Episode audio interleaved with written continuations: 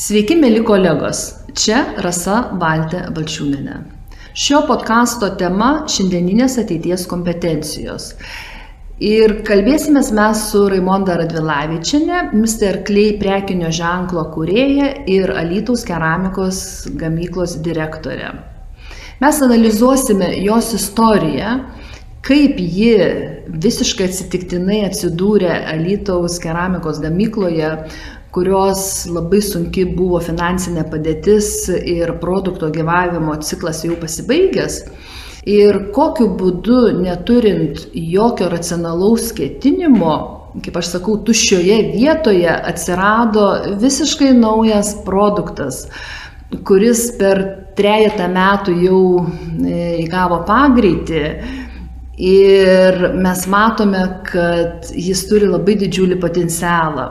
Mūsų pokalbį aš pavadinau apie gebėjimą veikti be stereotipų. Labas, Raimonda. Labas, Rasa.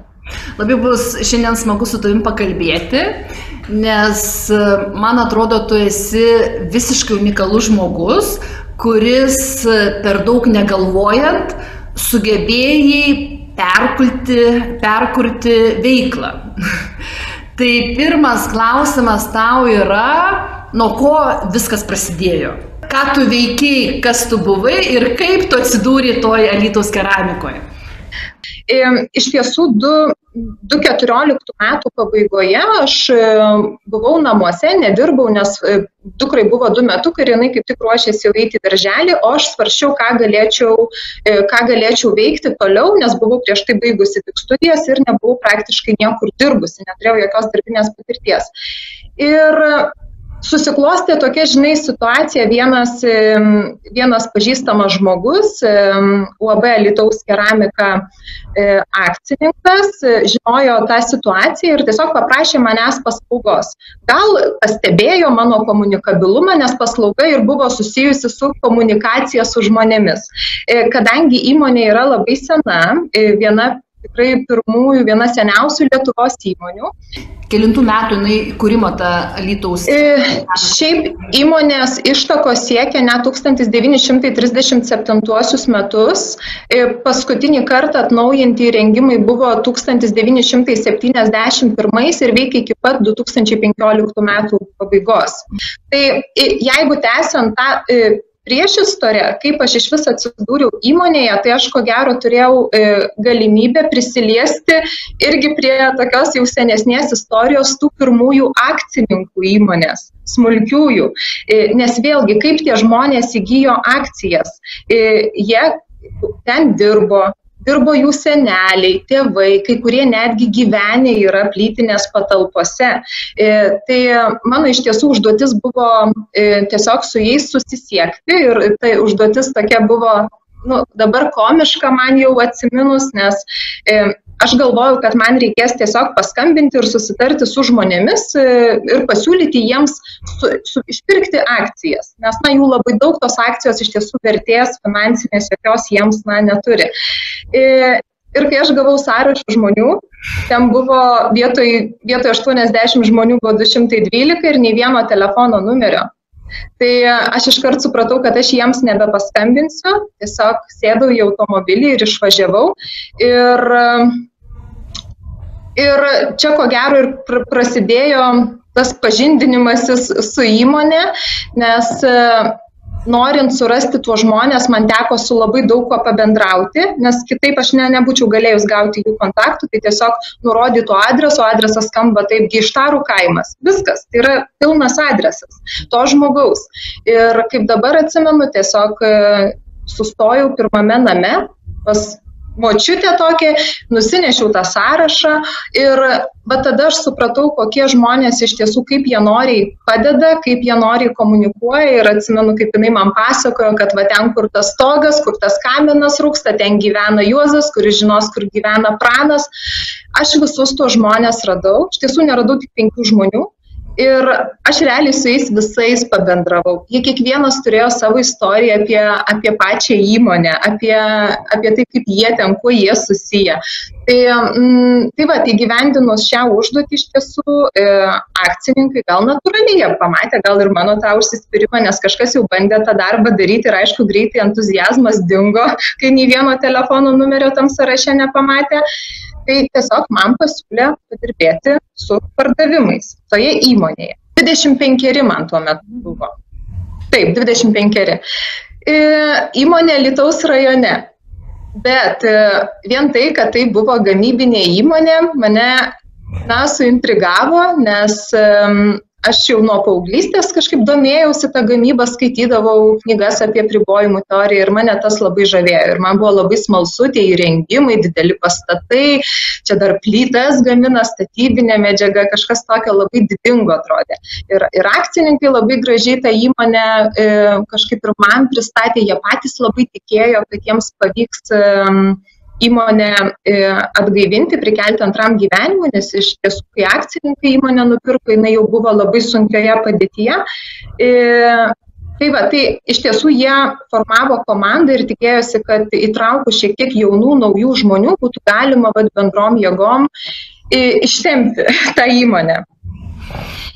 Ir e, kai aš pradėjau dirbti su pardavimais, Patirties aš visiškai neturėjau. Aš e, plytas skyriau tik e, su skilėm arba be skilių ir, ir daugiau jokių žinių ir net nesupratau, kam tas plytas reikia pardavinėti, kas yra plytų pirkėjas. Man atrodo, kad nu, mes dabar žinom, kad nuo to pirmo ateimo turbūt jau praėjo penki metai, ne? E, taip, taip, penki metai. Ir aš dabar kaip tavęs klausau, kad žmogui, kuris net nežino, kas yra plytos, nežino, yra, kas yra klientas ir duoda pardavinėti, tai greuna visus vadybos, vadybos klasiką, ne? nes pardavėjas turi labai gerai, labai gerai išmanyti produktą, pardavė, pardavėjas turi ten labai gerai klientus žinoti. Tai man pačiai labai įdomu e, klausytis, kaip e, dabar jau praėjus penkiems metams mes žinom, kas yra įvykę ir koks yra gimęs unikalus produktas ir atrodo tavo potenciali galimybė, jinai tave pakvietė ir mes matyti ir į verslo transformaciją ar verslo pokytį galim žiūrėti iš dviejų e, pozicijų. Arba mes žiūrim iš dabarties, ką mes norim pasiekti ateityje, arba pabandyti pajausti, kas nori ateiti iš ateities. Ir be abejo, ne visada mes galim suprasti, kas norim ateiti, bet kaip aš klausausi tavęs, tai toks jausmas, kad ta idėja, kuri po to realizavosi, jinai tiesiog pasirinko tave. Ir tai tu tada e, pradėjai užsimti pardavimais ir po to kažkaip neužilgo tapai direktorė bankrutuojančios įmonės. E taip esmė buvo tokia kad aišku bandėm visais būdais ten suprasti kaip tas plytas pardavinėti. Reikia dar paminėti kad įmonėje tuo metu dirbo šešiasdešim penki žmonės sezono metu. Apie trisdešimt žmonių buvo pagrindinis branduolys kuris dirbo jau su neterminuotom sutartim o daugybę metų. Jų stažas buvo dvidešim keturiasdešim metų. Tai tokia praktiškai administracija visa įmonės. Ir jie turėjo aišku savo įdirbį kažkokį bet tokia kaip plyta prekė na jinai ko gero jau yra nu buvo išgyvenusi jau tą savo savo laiką ir reikėjo jau seniau prieš dešim penkiolika metų priimti sprendimus arba kardinaliai e, atnaujinti visą gamybą arba tiesiog jau atsitraukti ar kažką naujo gaminti. O o iš to jau tokio na nustekento produkto jie dar bandė kažką padaryti ir aišku mes irgi nu nes kol kas kol susipažinom su įmonė ir, ir visa esmė nebuvo aišku, ar tik mes nemokam parduoti tų plytų, ne, surasti kliento, ar yra to šaknys gilesnės. Tai paskui aišku paaiškėjo, kad ir įrengimai yra be galo seni ir tinkami tik plytų gamybai. Mes bandėme gaminti naujus, naujus tokius blokelius. Ir aš atsimenu, kažkas manęs, kai aš pradėjau dirbti, paklausė, tai ką jūs ten toje Lietuvos keramikoje darysit, nes ten jau baisu daugybę metų, ten tai kas tas plytas perka ir panašiai, ir iš ko jūs ten gyvenat. O aš atsimenu, neturėjau žalio supratimo net kaip paaiškinti jam, ką mes ten gaminsim, bet jau buvo iš akcininkų pusės idėja, kad gaminsim tokius lengvasvorius blokelius. Buvo technologas pasamdytas, kuris gamyklą iki galo nustekenom su tais bandymais ir iki galo jau ten sulaužėm viską. Ir iš tiesų supratom, kad ta gamykla tikrai buvo pastatyta ir suprojektuota tik plytų gamybai ir niekam daugiau. Ir, ir na, greitai tiesiog baigėsi ir lėšos tiems eksperimentams toliau e, daryti. Bet iš to viso vis tiek jau man toks e, labai, labai akcininkai mane sugebėjo iš tiesų irgi įkvėpti. Aš gal ir pati to vidinio tokio labai entuzijazmo daug turėjau, bet jie taip vis, na, ką čia galim gaminti, ką čia galim daryti. Ir žinai, tokia atėjo meilė ir tai gamyklai palengva, tie žmonės, tai istorija su tais akcininkais, kai susipažinau aš iš tas akcijas supirkinėdama. Ir, žinai, net tie žmonės, aš atsimenu, sako, ai, aš noriu pasilikti tas akcijas, sako, aš noriu su jom ir numirti, man labai brangi ta įmonė ir sako, aš jų gyvenime neparduosiu. Ir, žinai, supranti, kad jiems tikrai kažką tai reiškia ir, ir man viduj m, mm, tikrai atsirado meilė ir tai žaliavai, nes molis tokia na, natūrali medžiaga ir natūraliai atsirado toks na, idėjų generavimas, ką galime gaminti. Pinigų nėra absoliučiai, e, tokių aiškių idėjų irgi. E, Tai mes tiesiog griebdamiesi šiaudo sugalvojom, kad mes galim, kaip ir kitos gamyklos, na visiškai nukopijuodami, malti molio miltus. Mhm. Na, tai jau toks. Žiūrėk, man tu vietoj labai nori įsiterpti ir antrą komentarą padaryti, kad kai būna, kai būna, kaip įmonės vadovų tampa tam tikros ryties žinovų, iš principo jisgi mato, kad čia yra, nu, kad čia yra pabaiga, ne? Kad jau uh mhm. -huh. yra išgyventa. Ir kaip atskirais atvejais akcininkai visiškai intuityviai paskiria žmogų, kuris neturi supratimą nieko apie tą verslo sritį. Ir tada pas tą žmogų nėra tos minties, kad čia nieko nebegali būti.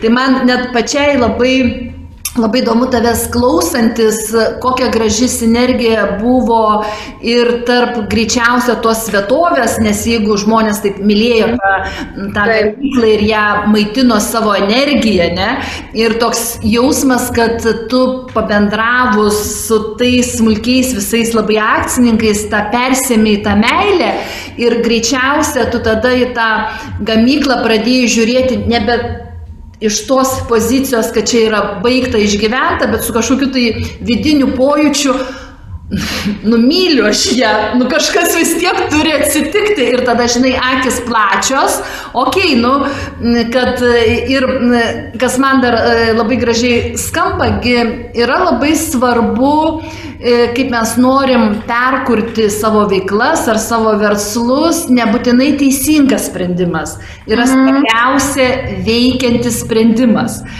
Ir veikiantis sprendimas. Ir Šiandien dabar su tavim kalbėdama, aš supratau, kad aš norėjau pakalbėti apie tai, kaip gebėjimą perkurti veiklą, bet aš suprantu, kad tas gebėjimas perkurti e, veiklą priklauso nuo to, kaip mes sugebam priimti veikiančius sprendimus jis nebūtinai yra teisingas, ne, bet tu darai kažką, ne, kaip ir akcininkai darė kažką, kad būtų veikiantis sprendimas, o po to jau matysim, ar ten yra teisinga ar neteisinga ir tik vėliau, vėliau padarius veikiančius ir klaidingus sprendimus mes vis apnuoginam realybę. Tai man va tas labai gražus momentas yra, nu ir buvo veikiantis sprendimas, nu okei, okay, tai kopijuojam, kaip daro visi, malsi molio miltus. Ir...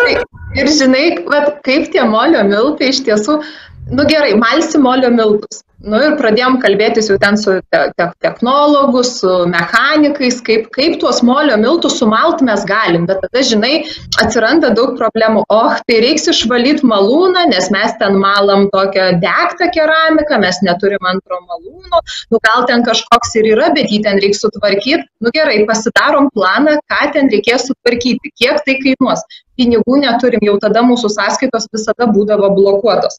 Bet žmonės, jie tie geba patys iš savęs, žinok, jie ten pasikuitė toj gamykloje, greitai tą malūną paruošė malimui. Aha, molio miltų sumalt galim. Kaip dabar tuos molio miltus supasuot? Nėra kaip jų paimti. Tai mes išmušėm sienų į skylę. laukia iš lauko į pastatą ir tiesiog irgi kažkam kilo mintis, kad galima krautuvę ten tokį privaryti ir į didmaišių supylus pasiimti tos molio miltus. Ir va tokiais, žinai, nu, visiškai atrodo paprastais sprendimais mes tos molio miltus pasigaminom, nu, susimalėm, tokia ten ir gamyba, bet vėlgi, kaip juos parduoti, kas juos pirks dabar tos molio miltus. Na, išsiaiškinom, kad naudoja pečiukų mūrijimui mūrininkai tiesiog krosnį.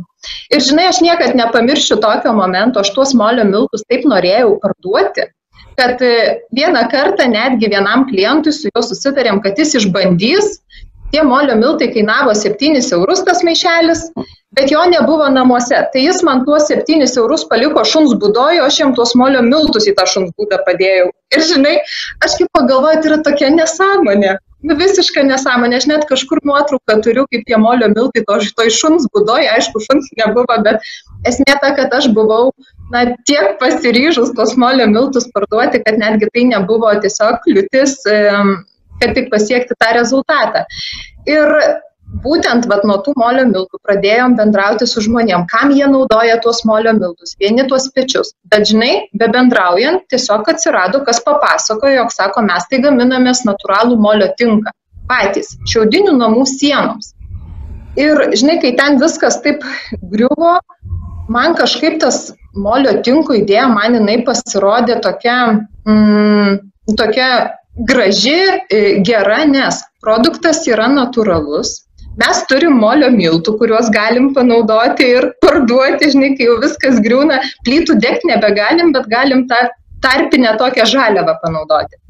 Ir aš suprantu, kad tuo metu, žinai, bekalbant su žmonėm, nu, vienas žmogus, kuris turi šiaudinį namelį, jis sako, kad jam reikia molio tinko ir kad tai yra nu, labai geras produktas. Ir jis netgi jį pats gaminasi, nes nėra kur nusipirkti. Ir anokia čia verslo, žinai, idėja, nes nei tų šiaudinių namų yra daug, nei, nei čia plati ta rinka, bet man tiesiog atėjo vat mintis, o tai kodėl tik šiaudiniuose namuose turi būti molio tinkas, kodėl mes negalim jo panaudoti visur. Ir kažkaip vat, labai natūraliai, žinok, tada viskas, viskas vyko. Ir jeigu kalbant, labai viskas persipinė, žinai, vienu metu staiga jau buvo priimti sprendimai stabdyti gamybą plytų ir atleisti visus darbuotojus, na tiesiog viską stabdyti, o man jau kirbėjo ta mintis, kad aš noriu pabandyti tą gaminti naują produktą ir aš besidomėdama supratau, kad tas molio tinkas jis gali būti ne tik vat, paprastas rudas, bet ir labai gražus. Ir iš kitos pusės gal aš ir nežinau net, ko dar tai baigsis, nes tuo metu neturėjau jokio, jokio absoliučiai, žinai, supratimo. Žiūrėk, aš truputėlį noriu įsiterpti ir vėl e, man kokia kyla mintis, klausydama tavęs prisimenu daug klasikų, žymių žmonių, verslo žmonių e, pasakymus, reikia klausytis klientų, jie viską pasako. Mhm. Tai kažkodėl mes negirdim tų klientų ir tikrai kompanijoms yra sunku atrasti naujas veiklas, inovatyvius projektus, tie, kurie turi ilgalaikę perspektyvą.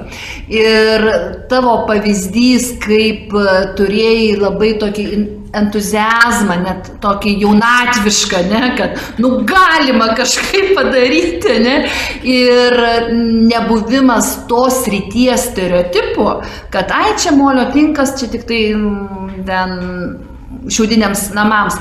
Tiesiog man tai yra labai gražus pavyzdys, kaip, kaip atviras mąstymas naujovėms, kaip atviras mąstymas, tai, kas gali naujo atsirasti ir, ir neturėjimas jokių iš ankstinių nuostatų, ne, įsitikinimo, kaip leidžia pagauti tą idėją. Ir man dar labai pačiai buvo gražu išgirsti, kad kaip tu išgirdai, kad e, dar molio, molio miltus naudoja molio tinkui e, ir tau tai blikstelėjo graži idėja, ne?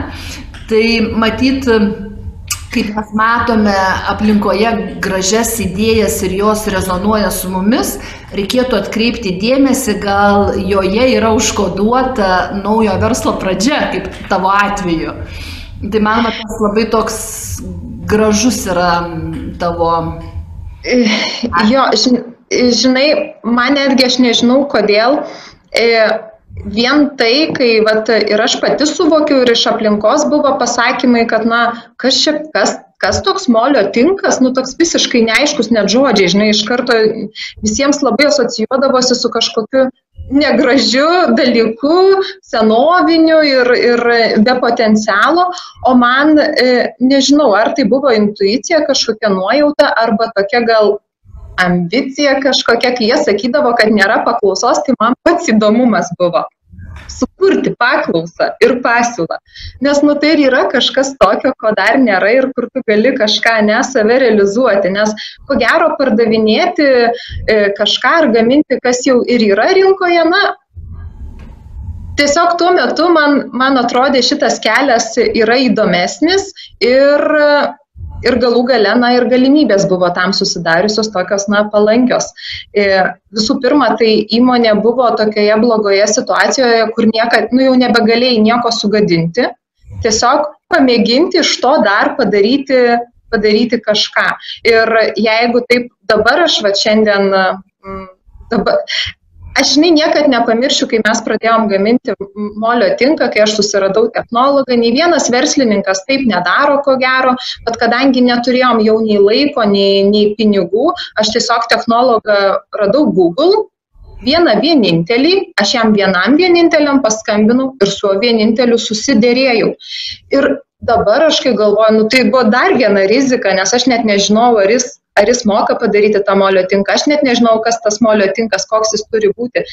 Bet, e, nežinau, kažkoks va tiesiog diktavo, kaip elgtis iš vidaus ir e, tie sprendimai jie buvo labai greitai priimti.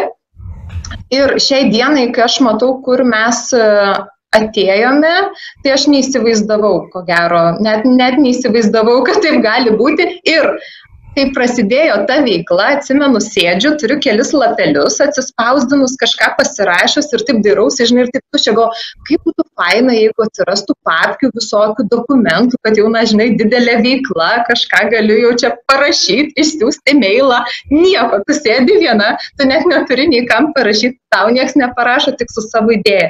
Šiai dienai pas mus va tiek yra reikalų, va tiek papkių ir kasdien, žinai, daugybė skambučių ir elektroninių laiškų ir galvau, kaip viskas, žinai, va iš tiesų ir realizavosi per tam tikrą laiką. Jo, tai aš klausydama tavęs bandau įsivardyti tas prielaidas, kur leido tą idėją gimti. Tai ką dabar iš tavo pokalbio išgirdau, kad buvo labai ambicija, nu aš galiu padaryti. Ir man norėjusi paklausti, kaip tu reagavai, kaip, kaip kiti sakė, kad nu, čia, nieko, čia nieko neišeis. Tai jau tu pati atsakei, kad tavo ta reakcija buvo, kad aš galiu ir aš turiu šansą, galimybę tikrai sukurti paklausą ir pasiūlą. Ir turbūt vienas labai svarbus kertinis momentas, kuris e, girdisi tavo istorijai, nebebuvo ką sugadinti. dažniausia, dažniausia mes nedarome tam tikrų dalykų tam, kad mes bijom, kad mes tapsim nevykėliais. O kai tu pakliuvi, pakliūni į aplinką, kaip jau sugadinti nebėra galimybės, tai tada belieka tik tai veiksmas darimas ir kaip tu sakai ir kaip mes jau tada nebebijom tapti nevykėliais ar kad mums nepavyks, tada sprendimai yra labai greiti. Tai man, e, tai man labai gražiai va, tas momentas rezonuoja ir dar vienas klausimas, kuris kyla, e, ar tas technologas surastas per Google vienintelis dirba dabar? E, ne, šiai, šiai dienai mes nedirbame, čia ko gero yra kita tokia hmm, Kita įdomi tema, mes su tuo žmogumi bendraujame, bet supratau, kad mes negalime tiesiog na, dirbti kartu, nes aš žinai, pirštų kaip pirštų į akį pataikiau į tikrai irgi e, didelį potencialą, kuris, na, niekaip, ne, ne, ko gero, nesugebėjo toje vietoje savęs realizuoti. Supranti, ir kai, ir kai jis pamatė, jis, jis pardavė tą receptūrą, aš nupirkau, mes nu, realiai kartu buvo sukurta. E, ir jis ko gero netikėjo pats, kad aš, kad aš tą tęsiu, žinai, ir, ir šiek tiek pasijuto, na, tokia, net ne, nežinau kaip parinkti tuos žodžius, e, pajutau, kad jis lyg ir nori sėkmės, bet tuo pačiu ir nenori, kad pavyktų tas mano projektas, nes e, galbūt jis visada turėjo tokių lūkesčių e, daryti tą pats, bet neturėjo tam gebėjimų. O aš atsiradau, žinai, tokia, kuri, kuri vat, nu, sugebėjau kažkaip į tą produktą pažiūrėti kitaip. Ir aš suprantu, aš labai turėjau daug kantrybės. Ir aš žinau, kad aš jos turėsiu, ir aš galiu labai ilgai ir kantriai dirbti be jokių, ant sakykime, kažkokių savo gerovės ar greitų rezultatų. Tiesiog mano tas tikėjimas buvo labai iš vidaus ir na, žmog, žmogus jis nesu, nesulaukė, neišlaukė to, žinai, iki ko mes dabar atėjome. Tai vad. Mhm. Tai dar noriu to vietoj papildyti. E, kaip tu kalbi, irgi labai matosi tavo gera ta savybė, pagal pajautą tiesiog suprasti, kad tai yra vis dėlto ne tavo žmogus. Ir mhm. tas gebėjimas, gebėjimas per Google atrasti tą, iš kurio gali nu, nusipirkti vieną vienintelę tą receptūrą ir po to ir po to nebijoti to žmogaus paleisti, tai čia turbūt irgi mhm. labai svarbi, svarbi prielaida gimti tą idėją, nes jeigu tas žmogus būtų buvęs ir kaip tu sakai, kad intuityviai jautėjai, kad jis savotiškai savotiškai, nu matyt, galima taip įvardinti, konkuravo su tavim. Ir šalia, šalia jeigu gimsta nauja idėja, čia gal aš daugiau skiriu podkasto klausytiems, jeigu jūs esate procese, kuriame gimsta idėja, kuri, kuri dar nėra aiški, nėra konkreti, nėra suprantama ir šalia yra žmonės, kurie netiki arba giliai viduje pavydė, tai iš principo yra labai didžiulis šansas, kad ta idėja ir liks toj embriono stadijoj, kuri neišsivystys. Tai tavo ta istorija labai tai gražiai, gražiai iliustruoja. Nu, ir... Ir, ir aš, žinai, galiu papasakoti, žinai, dar tokią, na, kaip ir istoriją vieną. Iš tiesų, e, e, aš tam žmogus, tas žmogus tikrai e, turi savyje ir to talento, to pajūtimo ir aš jam labai linkiu didelės sėkmės, bet tikrai jaučiu, kad jeigu būtumėm likę kartu, aš nežinau, ar aš būčiau, va, na, sakykime, taip išvyščiusi, žinai, tamis terkliai.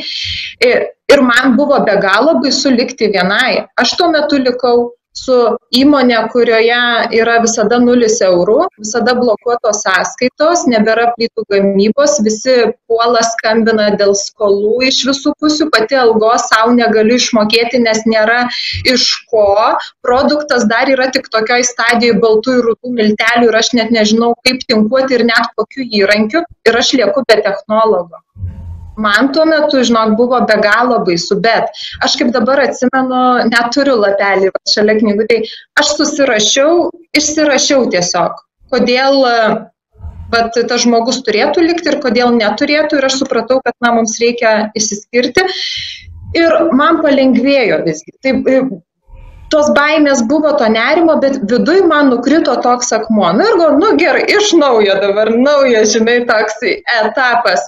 Ir žinai, nu, aš nežinau iš tiesų, kaip tai pasakyti, bet e, mangi nieks nesakė, kad aš negalėčiau būti technologė. Nu, realiai. Ir juokas juokais, iš tiesų buvo tokia situacija, kad e, susipažinom su dekoratoriu mantu, ir jis buvo jau išbandęs mūsų molio tinkus, tuos jau pirminius ir jam labai patiko ir tik, žinai, sako, būtų dar labai gerai, jeigu būtų dar kitoks mišinys truputėlį, na, smulkesnis, ten būtų galima dar kitokių dekorų padaryti labai gražiai ir, na, wow. Ir, ir sako, žinai, aš jau net ir objektą turiu, bet neturim mišinio, neturim iš ko tepti. Ir man tada toks, na, aš vis tiek neturiu ko prarasti, technologo neturiu, o naujam pinigų neturiu, tiesiog ne, negalėčiau jo pasamdyti ir net nežinau, kokią užduotį jam reikėtų duoti. Tai aš tiesiog, e, kaip dabar atsimenu, buvau tuo metu gamykloje, jau buvo vėlus vakaras, likau viena, darbuotojų jau nebebuvo, ten pas mus dirbo du gamybos darbuotojai, jie jau buvo išvykę, aš turėjau raktus nuo sandėlio, kur stovėjo žaliavos, tai tiesiog atsirakinau tą sandėlį, atsisvėriau visų žaliavų pati ir parsivežiau namo į savo virtuvę. Na ir ten gimė mūsų pats dabar perkamiausias mišinys, Finish 9, iš tiesų, taip, paskui mes jam ir tyrimus atlikome viską taip, kaip priklauso, bet jis realiai gimė mano virtuvėje. Mes su mantu jį kartu sukūrėme. Ir jeigu aš būčiau pasakius mantui, kad oi, aš neturiu technologo, dabar nu, mes negalim to mišinio, žinai, padaryti, tai niekur ir nebūtumėm nuėję. Tai iš tiesų bandymo keliu, nes vėlgi reikia labai gerai suprasti kontekstą, koks tai mišinys, ar ten yra aukštų cheminių materijų kažkokių ar ne. Mūsų gaminiai yra natūralūs, ten yra akmenėlių žaidimas. Kas pasakė, kas turi žaisti tą žaidimą. Tai aš tiesiog dariau daug bandymų, atvažiavo mantas ir mes kartu testavom ir priėmėm sprendimą, kuris geriausias tas mišinys. Ir jau va trys metai, kaip tai yra vienas perkamiausių mūsų produktų. Žinai, kaip aš tave klausausi, aš nežinojau, kad tu, kad tu tą mišinim e, pagimdėjai. tai aišku, po penkių metų jau čia galima Galima jau sakyti. Po trijų metų, kaip yra perkamiausias produktas, tai galima pasakyti ir klientai jau, jiems dar bus papildomas žavesys, kad tai tikrai gimė iš intuicijos, iš pajautos ir iš drąsos, ne? Ir to užsispyrimo.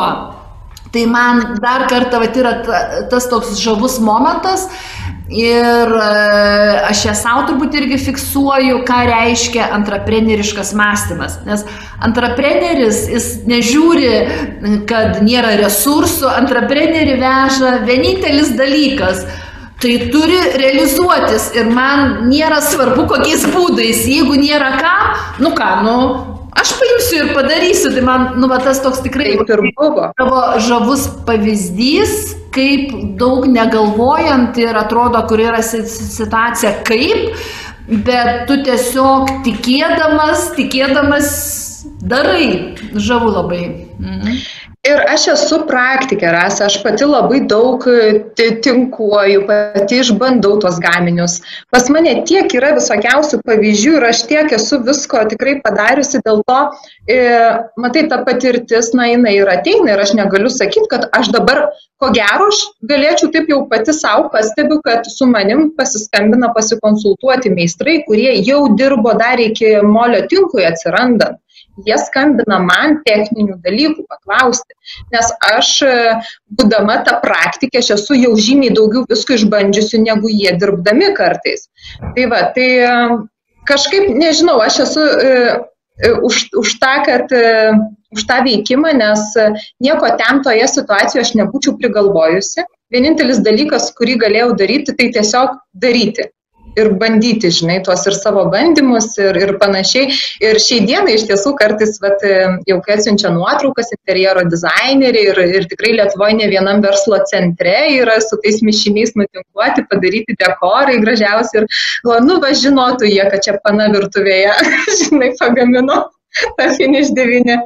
Tai va, tai Iš tiesų smagu atsiminti ir, ir dabar aišku atsiranda jau pas mus tokie jau procesai organizacijai, tada aš buvau viena žmogus orkestras, kuris darė, darė viską vienu metu, čia į laišką atrašo, čia patikuoja, čia pasižiūri kaip išdžiugo, čia dar ką nors. E, dabar yra tie procesai, ir, bet aš vis tiek stengiuosi netitrūkti nuo to. Aš dažnai paskiriu laiką nuvažiavusi į, į darbą tiesiog eiti patinkuoti, nu ką nors pamaišau, pabandau, pasižiūriu ir žinau, bedarant ateina visai gal kitos mintys, bet tu turi būti toje veikloje, turi pats dalyvauti. Tai va, tai... E, man kyla klausimas, o koks tavo išsilavinimas? Vadyba ir verslo administravimas. Ne, su, su, su mm, inžinierija ten, ar su chemija pagalvokime, ar su kitais, jokio ryšio nėra. Jokio. jokio. Ir šiai dienai aš e, vėlgi kaip e, kaip įdomiai, žinai, e, pradėjo žmonės prašyti, kad na mokymus pravestumėm, dekoravimo. Ir, ir žinok, vat, dabar jau metai laiko aš vedu tuos mokymus, e, susirenka visada visada pilnos grupės, dar nebuvo taip, kad e, būtų nors viena laisva vieta, tikrai žmonės grįžta ir ne po kartą. Ir ir aš jaučiu, žinai, tai nėra taip, kad, na, tiesiog vat, sugalvojau ir, ir dabar darau tik, tik tam, kad daryti. Aš jaučiu, kad e, aš jau įgyjusi esu tos patirties ir tikrai ją galiu dalintis. Bet jeigu aš galvočiau, kad aš nesu dekoratorė ir, na, aš negaliu vesti tų mokymų, tai vėlgi toks, na, nieko nebūtų. Tai aš kažkaip tai labai, mm, labai stengiuosi nesivadovauti tais stereotipais kad e, jeigu aš turiu tokį išsilavinimą, tai aš galiu daryti tuos dalykus. Iš tiesų, e, kartai žmonės neturėdami išsilavinimo yra e, daug labiau patyrę tam tikrose sritise negu specialistai su tuo išsilavinimu. Ir gali dar didesnę naudą duoti žmonėms. Mhm. Klausiausi tavęs kažkaip taip žiūrėjau su tokia nuostaba ir supranti, kaip mes žmonės mes patys ribojam, kaip turim tam tikrus nuostatus, kaip gali būti ar kaip negali būti, ar kaip tu pasakėjai, susitapatinimas, kad aš jeigu tai moku, arba jeigu aš esu toks ir jeigu tokią rolę atlieku, aš jau daugiau nieko kito negaliu. Ir va tas atsitapatinimas jis iš principo leidžia improvizuoti. Ir matyt, jau vien tavo tas įvardinimas žmogus orkestras, tai rodo, kiek tu gebi improvizuoti. Ir reikia galiu tą padaryti, reikia galiu tą padaryti. Absoliučiai. Ir tik jau tada, kaip jau atsiranda aiškumas apie tą produktą, jau galime, kaip tu sakai, jau vystyti tuos procesus. Ir dabar dar noriu pakalbėti apie tai, kažkada tai mes esam su tavim kalbėję apie tai, e, kad ne vien gimė unikalus produktas, bet iš principo ir jo tas vystimasis, jisai turėjo prielaidas, kad tu laužiai visus, nežinau, komunikavimo, pardavimo, e, nusistovėjęs nuostatas. Tai kaip atsirado tie pirmieji klientai, kaip, kaip ten kiti dalykai gimė? Mm, nu, man aišku, labiausiai yra įstrigęs mm, momentas, e, kai, kai aš man tą pakalbinau, e, kad jisai man padarytų tuos, e, žinai, pavyzdėlius ant, ant tų lentučių tokių gražių, nes aš neturėjau, aš neturėjau realiai būdų, kaip par, neturėjau pavyzdžių, kad galėčiau pardavinėti tą molio tinką, aš tik žmonėm papasakodavau. Ir įsivaizduoju, tu papasakoji, kaip papasakot apie sienas, kokios jos bus, nu neparodžius pavyzdžio, turint kažkokius piltelius. Ir aš man to paprašiau, kad jisai užtinkuotų ir Ir man ta istorija, jinai įstrigus ir visam gyvenimui liks, kai e, aš jam paskambinau, paprašiau padaryti, sako, aš sumokėsiu, o jisai sako, nu gerai, sako, aš padarysiu ir sako, pinigus paimsiu, nes tikrai yra, na, sunku su finansais. Ir, ir atsimenu, man tada, o dieve, galvoju, aš ir taip neturiu tų pinigų, bet, nu, vis tiek man reikia tų pavyzdžių, žinai. Ir kai aš nuvažiavau, e, kai nuvažiavau į Vilnių pas Mantą pa, paimti tų pavyzdžių. Atsimenu, aš pas jį užeinu į namus, o pas jį kaip pas menininką, dailininką pilna ir paveikslų, ir eskizų, su įvairiausiom medžiagom. Ir jis ten rodo, pasakoja, o aš taip jaučiu, kad aš jau nebegirdžiu, ką jis sako, o tai kurie pavyzdžiai mano, nes nei vienas net, žinai, nepanašus į tai, kas galėtų būti mano, galvoju, padarė iš kokiu nors kitokiu, dabar dar ir susimokėti turėsiu. Ir, ir kai aš jo paklausiu, man tai, o tai kaip čia gražus, iš ko čia padaryti, jau bandau, žinai, grįžti į tą pokalbį, jis sako, taigi prašy iš molio tinko padaryti. Ir wow, aš tada supratau va, tikrai tų medžiagų potencialą, kai jos atsiduria irgi tinkamų žmonių rankose. Ir e, man man tas tuos visus pavyzdžius padovanojo, jis net neėmė pinigų. Ir vat paėmusi tuos pavyzdžius, aš iš karto nuvažiavau, grįžau į Kauną ir nuvežiau juos architektams. Bet kodėl būtent tiems architektams? Papasakosiu geriau. E, buvau iškviesta ant kilimėlio, nes architektų įmonės direktorius statėsi iš mūsų plytų namą ir jam tos plytos tiesiog iššaudė viso, žinai, jis neuždengė žiemai ir, na, jis galvojo, kad čia brokas ir pakvietė jau mane aiškintis ir spręsti tos problemos. Ir kai aš pas jį nuvažiavau, e, aš jam parodžiau šiek tiek tų pavyzdžių ir mūsų visiškai pasisuko kita linkme pokalbis, atvažiavau spręsti ginčio, išėjau kaip geriausia, geriausia žinai, partnerė, nes e, jie pamatė tuos molio tinklus, architektai, jie iš karto praktiškai kitą dieną prašė atvykti į objektą dėl realaus užsakymo ir kai pagalvoju, jeigu man tas, na, nebūtų sutikęs e, padaryti tų pavyzdžių, ar nebūtų e, gal ir daugiau tų kitų padovanojęs man, aš nebūčiau ką turėjusi parodyti. Ir šioje situacijoje tai realiai ir man to tramplinas buvo ir mano. E, mano atveju tas, tas užsakymas jis nebuvo didelis, nes ten gal daugiau darbo, žinai, sudėtingas darbas, gal man tas daugiau iš to uždirbo, bet tokie atrodo visai maži dalykai, jie dar labiau leido patikėti tuo projektu ir realiai aš dabar, kai pasižiūriu, žinai, ir man tas tuo metu visai neturėjo pinigų, o šiai dienai turi UAB ir, ir dar kolegų, jie dirba trysia ir trysia dirbdami kiekvieną dieną su molio tinku išlaiko savo šeimas. Tai va, tai, tai iš tiesų e, molio tinko pardavimai ir pristatymas tai rinkai vat, buvo irgi per, per kitas sąsajas. Vat nuo plytų, žinai, kažkur, kažkur kitokie kontaktai buvo su žmonėm, tiesiog savo aplinkoje mes skleidėme tą žinę pradžioje. E, kas neleido man galbūt, e, mm, žinai, taip labai užsimti marketingu labai greitai medžiagos, nes realiai tai mano, mano toks kūrinys ir tai yra tokia didelė atsakomybė. Aš turėjau iki galo suprasti tą produktą, e, suprasti, ar jis tikrai geras, na, labai daug išsiaiškinti ir jau būti šimtų procentų tikra, žinai. Tai va, tai už tai gal tas Mr. Klee projekto auginimas pas mane jis vyksta labai lietai, labai lietai, aš kaip pagalvoju, labai šono kiti labai pamoko, čia reikėtų tą, reikėtų aną. Nu, bet, bet buvo laikas, kada aš jaučiau, kad aš negaliu peršokti to, aš turiu su tuo pagyventi ir išgyventi, žinai.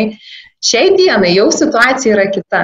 Aš jau puikiai žinau mūsų produktus, žin, tiek techninius dalykus, tiek visus kitokius ir šiai dienai jau yra man, sakykim, lengviau. Bet tuo metu atsakomybė prieš klientą na, man neleido pernelyg skubėti. Tai va. E, aš dabar tavęs klausydama suprantu, kad mes iš tikrųjų kalbame apie tai, apie gebėjimą tinkamų momentų atsidurti tinkamoje vietoje ir apie gebėjimą e, tinkamoje vietoje atsidūrus, be jokių stereotipų, paimti greitą sprendimą padaryti. Ir tik tada mes galim perkurti savo veiklas e, į tą ateitį, kurios negali sugalvoti. Ir, žinai, man dar, nežinau, kodėl įstrig, įstrigęs yra vienas uh, toks uh, momentas. Į, į, vieną priekybos centrą mes tiekėme plytas ir kai nuvažiavome pasakyti, kad plytų nebegaminsime, na, buvo oficialus toks, žinai, susitikimas ir atsimenu, komercijos gal skyriaus vadovas kažkaip klausė, tai ką jūs dabar darysit? Aš jau buvau sugalvojus, kad molio tinka, nes iš tų molio miltų, bet dar neturėjau žalio supratimo, kas tai bus, žinai. Ir, ir, ir jisai, kai paklausė, sakau, gaminsi molio tinka. Sako, o tai kas čia, kuo čia skiriasi, sako, nuo kitų tinkų. Ir aš atsimenu man mintis tokia, o Dieve, gal neturiu supratimo, apie ką tu klausys. Ten paminėjo kelis pavadinimus, žinai, o aš tuo metu net nežinojau tų kitų medžiagų pavadinimų absoliučiai. Ir e, aš neatsimenu, kaip aš išsisukau nuo to atsakymo, kad nepasirodyti visiškai, žinai, ne, ne, neprofesionaliai, bet tuo metu man tokia tie mintis, bet aš išsiaiškinsiu ir aš viską sužinosiu, žinai, ir sukursiu. Šiai dienai aš žinau apie visas tas medžiagas, ne tik apie mūsų molio tinklus. Tai va, bet man, aš labai dažnai kažkodėl atsimenu tą jo klausimą ir tą jausmą, kaip aš tada jaučiausi gaminsim molio tinklus ir nes turiu supratimo, kas čia, žinai, dar yra ta akimirka. E, Raimonda, e, man dar yra labai įdomu. Ašgi žinau, kad tu dabar tapai ir savinkė savo Mr. Clay prekinio ženklo. Kaip tau pavyko su akcininkais susiderinti, kad e, tu dabar tampi Mr. Kleito prekinio ženklo ir, ir, ir savininkė. Aha, jo, čia mano paskutiniųjų pusės metų tokia aktualija iš tiesų. E, ko gero, aš visus tuos metus e, viduje m, vis apie tai pagalvodavau, žinai, kad tas Mr. Clay toks mano kūrinys ir, ir kad norėčiau, kad, kad, kad būtų mano, žinai, tas savininkiškumo vis tiek jausmas jisai atsirado, bet e, aš e, labai tikrai e, gerbiu akcininkus, esu jiems labai dėkinga ir man iš vis yra wow, kad aš turėjau galimybę ir su jais dirbti ir vis dar turiu ir turėsiu, tik tiek, kad reikėjo nuspręsti, kokiu būdu, žinai. Ir man visada atrodė, kad aš, na, nepasiekiu tų, žinai, gerų rezultatų ir čia vėl nedirba 65 žmonės. Mes vis tiek juos visus atleidom ir gamykla, jinai nėra vėl veikianti. Bet iš kitos pusės aš supratau, kad, na, akcininkai neprarado įmonės, o tikrai e, galėjo prarasti ir tai buvo labai labai arti. Realiai jie išsaugojo e, teritoriją, nekilnojamąjį turtą, juridinį, žinai, asmenį kitiems savo projektam, jeigu jie turės, na, idėjų. Ir, tik, ir aš supratau, kad aš pati norėčiau būti ten toje Lietuvos keramikoje, bet, bet negaliu dabar iš šitos pozicijos ten e, pasijausti savininkę kartu ir turiu šiek tiek atsitraukti. Dėl to, na, pasiūliau tokią, tokį pasiūlymą, kad e, aš noriu nupirkti. Clay, perkelti veiklą į visai kitą savo įmonę, bet toliau likti Lietuvos keramikoje, nuomotis patalpas, toliau administruoti Lietuvos keramiką, ten šiek tiek e, nuomojame nekilnojamojo turto ir tiesiog per. Clay patikrinti dar kartą save, tai kokiagi aš verslininkė, ar aš čia galiu, ar negaliu. Nes dabar man dar toks, na, va, aš vidui lik ir žinau, kad galiu, bet norisi dar tų tokių jau apčiopiamų rezultatų, nebe iki nulio, jau nuo nulio ir į viršų, žinai, tų. Tai m, mm, labai džiaugiuosi, kad akcininkai visgi tikrai yra supratingi ir m, mm, brandų žmonės ir jie e, matė, kad jeigu ne aš, ko gero vis tiek Mr. Clay yra gan sutapatintas projektas su manimi. Tai yra visos mano mintys, visos mano idėjos sudėtos ten. Kiekvienas žodis, etiketė, viskas mano parašyta, žinai, ir sukurta. Ir dar labai daug yra ką kurti. Ir neaišku, ar ar projektas gyvuotų be manęs, na jeigu aš galbūt, na, išeičiau, atsitraukčiau, ar geriau leisti man iš tiesų pabandyti per tą projektą užaukti ir grįžti kaip pilnavertį tokiai partneriai ir toliau kartu su jais kurti jau daug didesnio masto projektus, žinai. Nes tas molio tinkas, ko gero, šiai dienai yra tik mano, kaip aš sakau, smėlio dėžė ir mano savirealizacijos projektas. Tai va, tai, tai tokie pamastymai ir iš tiesų šiai dienai jau yra ir įmonės veikla e, perkelta ir perinam į tokį kitą, kitą etapą, jau dabar darysim verslą, žinai, kursim organizaciją, jau, jau turime labai stiprų pagrindą. Aš jaučiu dabar dar didesnį netgi tokį geranoriškumą ir, ir akcininkam aš noriu, kad ir jiems būtų gerai, žinai, ir per paskui tą Lietuvos keramiką, na, tikrai tikiu, kad mes dar kažką kartu sukursim su jais. Pabaigai, ką norėčiau pasakyti, kad tas gebėjimas veikti be stereotipų leidžia atsirasti tinkamoj, tinkamų momentų tinkamoj vietoj, e, leidžia, leidžia nebijoti suklysti, nes jau nieko nebėra ko prarasti, taip, leidžia nesusitapatinti su tam tikrom nuostatom, pozicijom ir tiesiog leidžia iš pajautos gimti veikiantiems sprendimams, kurie po to atveda, atveda į ateitį arba kitaip tariant, kad ateitis per mus, pas, per mus ateina į mūsų gyvenimus. Tai ačiū tau labai, Raimonda, tikrai buvo labai įdomu. Ačiū, Rasa, tau.